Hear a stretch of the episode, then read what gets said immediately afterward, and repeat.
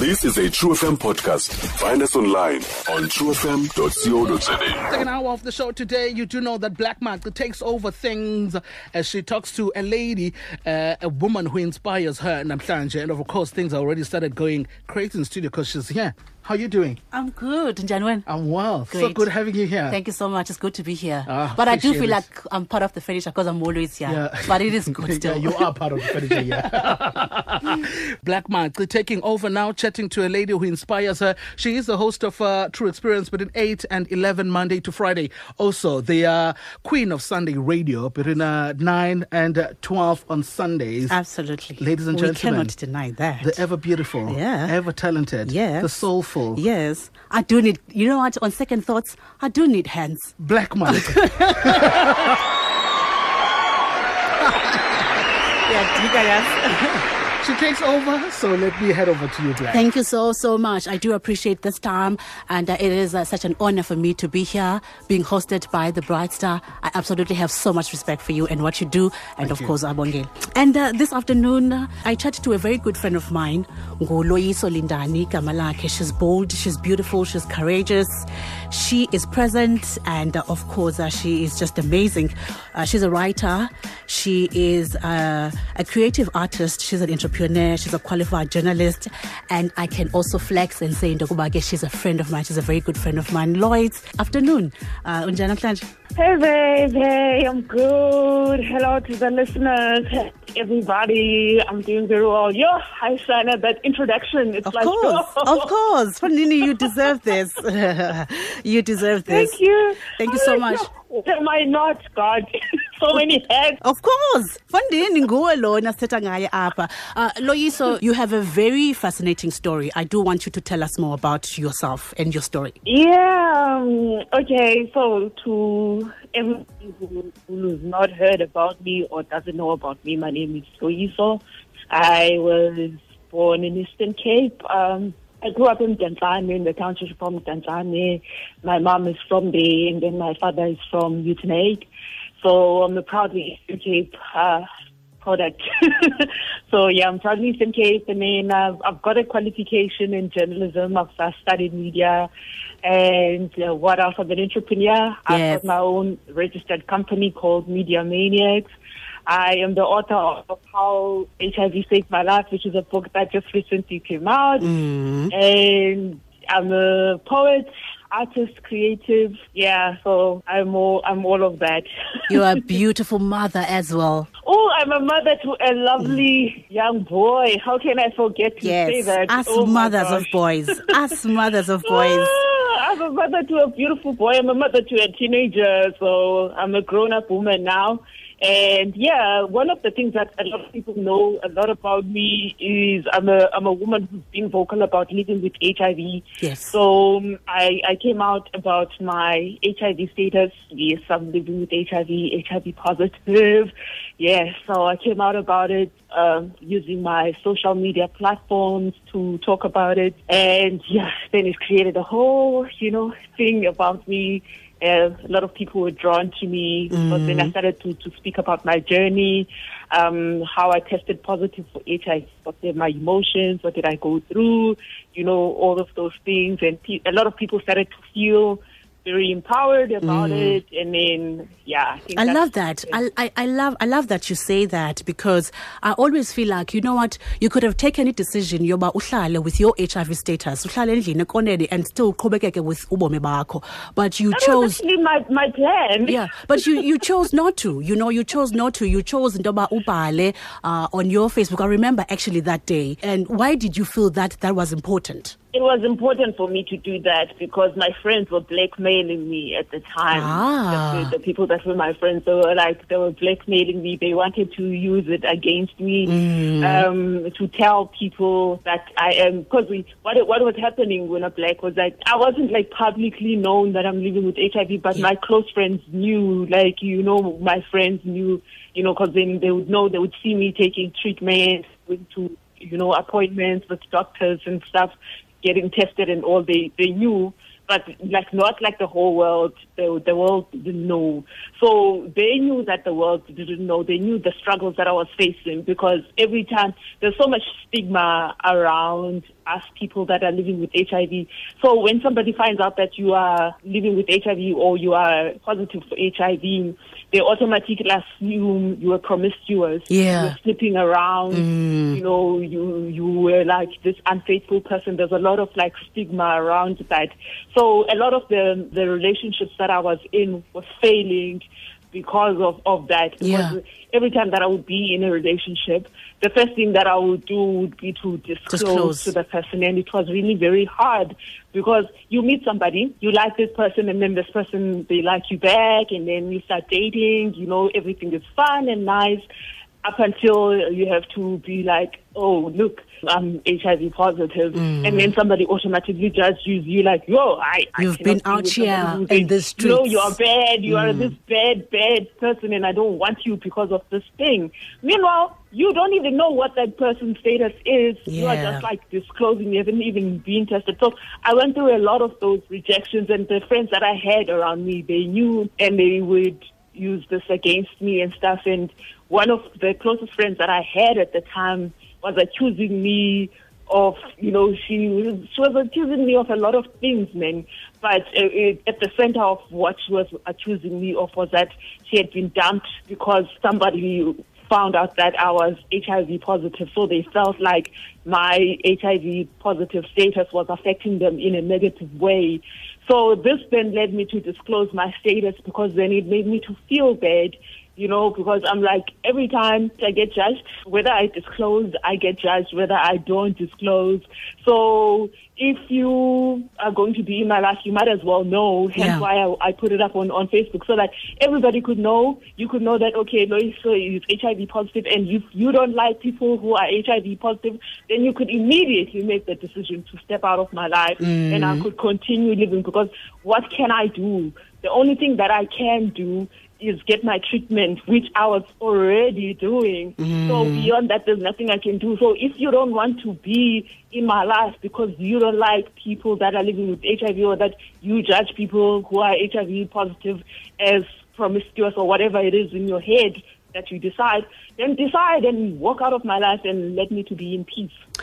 Loyiso, kuthini ukuthi live openly and positively with HIV? What, what, does that mean? What does that entail? it's a lot of like um tough work if i'm if i'm going to be, be to be honest because every day it's, it's me acknowledging that i am living with hiv you know which is a chronic illness which is if i don't manage this thing this is something that's going to be attacking my body physically to an extent that you know I'm going to get infectious illnesses, I'm going to get sick, and ultimately I might even die. Mm. So there's, there's mm. there's that you know that lived reality, and then there's also the empowering part about it. Yes. By now, you know, by doing that, I empower myself by acknowledging that okay, Larissa, you have this you know you have this virus in your body and you need to you know look after yourself take care of yourself. This is how i take care of myself. And by sharing that journey then other people come into my life and say hey look i've learned something from you. I've become empowered. And by them saying that they are empowered it then automatically empowers me you know and then so on and so on it goes on forward. Okay, all right. Listen, Kenda ndabona a lot of people, uh, you know, people living with HIV coming out, ingakumbi ke ngeli xesha, saying into yokuba there's, a, there's quite a lot of neglect and ukungakhathali when it comes to receiving iimeze zabo, uh, you know, under you know, COVID-19. What has been your experience? I don't know what people are, are going through. The individual's experience is very different, you know, and I don't take anything away from that. I've experienced the bad side. I know and we have a, a long way to go when it comes to the Department of Health, you know, when it comes to privacy and testing, you know, and dignity and giving back the rights of the patients, you know, to the, to, you know, when I'm, when I'm there, I deserve to be treated with fairness. Yeah and equality, you know, and you must explain to me the drugs that you are giving me, the side effects of the drugs that you are going to give me, you're going to be giving me.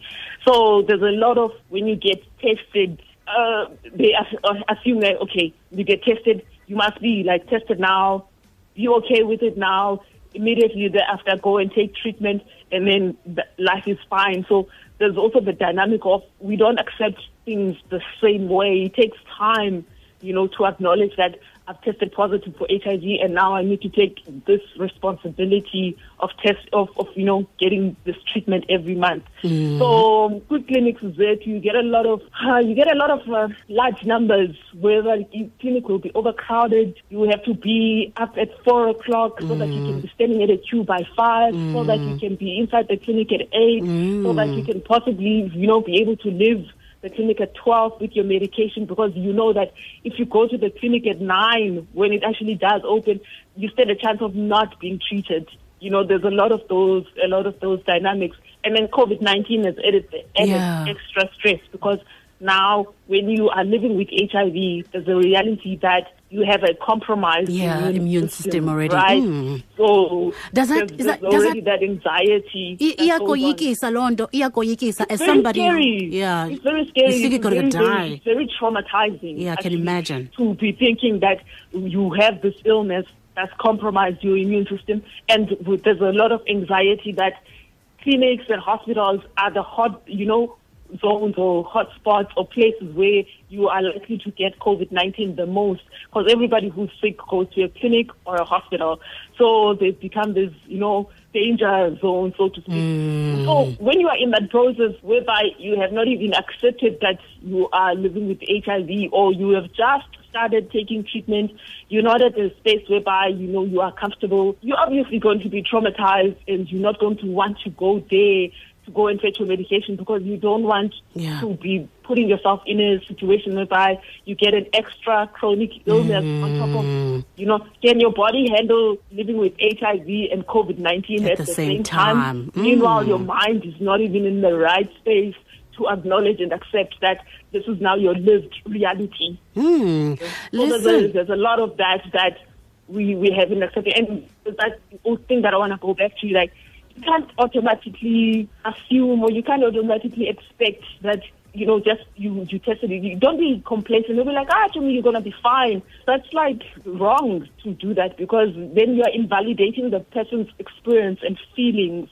So, you know, you can't just expect that, okay, no, she got tested three months ago and she started treatment, so it's responsible for her to go and, you know, fetch medication and not understand that she is having an anxiety about being in a place which is a hot, you know, hotspot for COVID-19, whether she's going to be exposed to further illnesses where, you know, she'll be sicker and possibly die. You know, Yeah. so there's a lot of those traumas that we need to just like address and just get out of the way.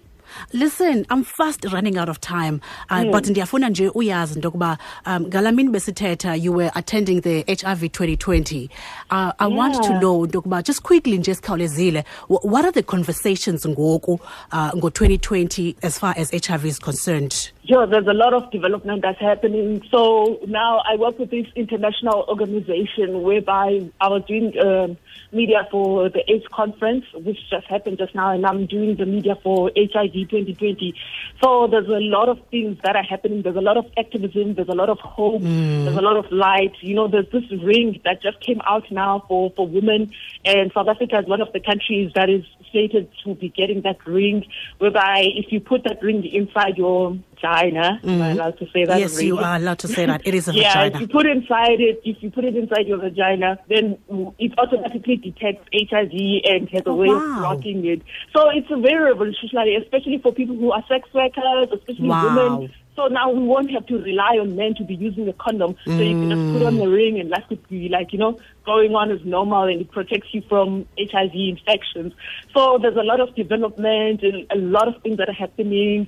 And Wow. yeah, I'm, I'm very much encouraged and very hopeful, you know, to be in that space because it shows me that the world is so much bigger and there's so much more going on and there's a lot of more hope that is out there that people really need to be inspired by. All right okokugqibela a friend how is dating with hiv in 2020? Uh, Let's talk about this. Let's talk I'm about single, it. I'm not dating, so I wouldn't know. I wouldn't know. Do you want to know how it date? Do you want to date? Do you have nervousness? You're, you're going to come out and say, "No, you know what, bro? I'm HIV positive," and then you pay. No, because people know now, you know, but like I just I just made that, that decision to to just focus on my work and my projects and do things that are more like empowering to me, you know. So every journey is, is very is very unique for every individual. You know, I don't know what's gonna happen when I eventually do get to meet somebody, but now I'm in a space where I'm mentally okay, I'm physically okay, emotionally I'm okay you know, I'm in a good space. I don't, I don't hate, you know, anybody. I don't feel any negative energy towards anybody. So, you know, it, when it happens at the right time, it will happen for me. But, you know, I also just want to put this thing out there that relationships, you know, your life is not about just relationships. There's just so much more to your life than just relationships. There's you empowering yourself. There's getting yourself an education. You know, there's getting your life together. There's, there's all those dynamics that are part of who you are. There's your spiritual self. You know, there's a lot of things that are happening. So just because I'm living with HIV, my main concern shouldn't be about who's going to date me or mm. who's not going to date me. My main concern is like, dealing with this thing, learning about it as much as possible, being in the right frame of mind so that when I eventually do get to meet that person, I love myself enough mm. to the mm. extent that they have no other option, you know. But to love you. But to love me, you know, because I love. But them loving me is not the goal because I love myself already. Loving myself is the ultimate goal and them loving me from them is just a bonus. It's like a cherry on top. I absolutely get that. I yeah. absolutely get that. Loyiso, thank you so much for your time. I do see you. You know, I absolutely love and respect you. I love thank what you, you do. I love what you're about. I am so, so, so uh, grateful uh, that our paths has crossed. And, you know, you're such a, you're such a vibe. thank you. Thank you so much also for this opportunity. Thanks to you and to the family and to the listeners as well. Okay, that's it. Thank you so, so, so much. Nkosi kakhulu. Uh, a pleasure. Right, have a great weekend, friend. Sure. Thank you so much. Nkosi kakhulu, uh, boys, Nkosi kakhulu Marco, uh, for this times, as I said, it is an honor to be here. Thank you. Yeah. That, that was uh, an interesting conversation. Of course, this is a, these are the friends that I keep. Of course. Of course. I'm not surprised. Of course. Yeah. I wish I would have jumped in to just, you know, uh, uh, uh say that uh, you can have the rest of the show. No, it's okay. Um, Thanks. We've got true experience. Okay. Wow. Black, thank you. Stream True FM online on truefm.co.za. Sikho yonke indawo ngalo ixesha like no one else.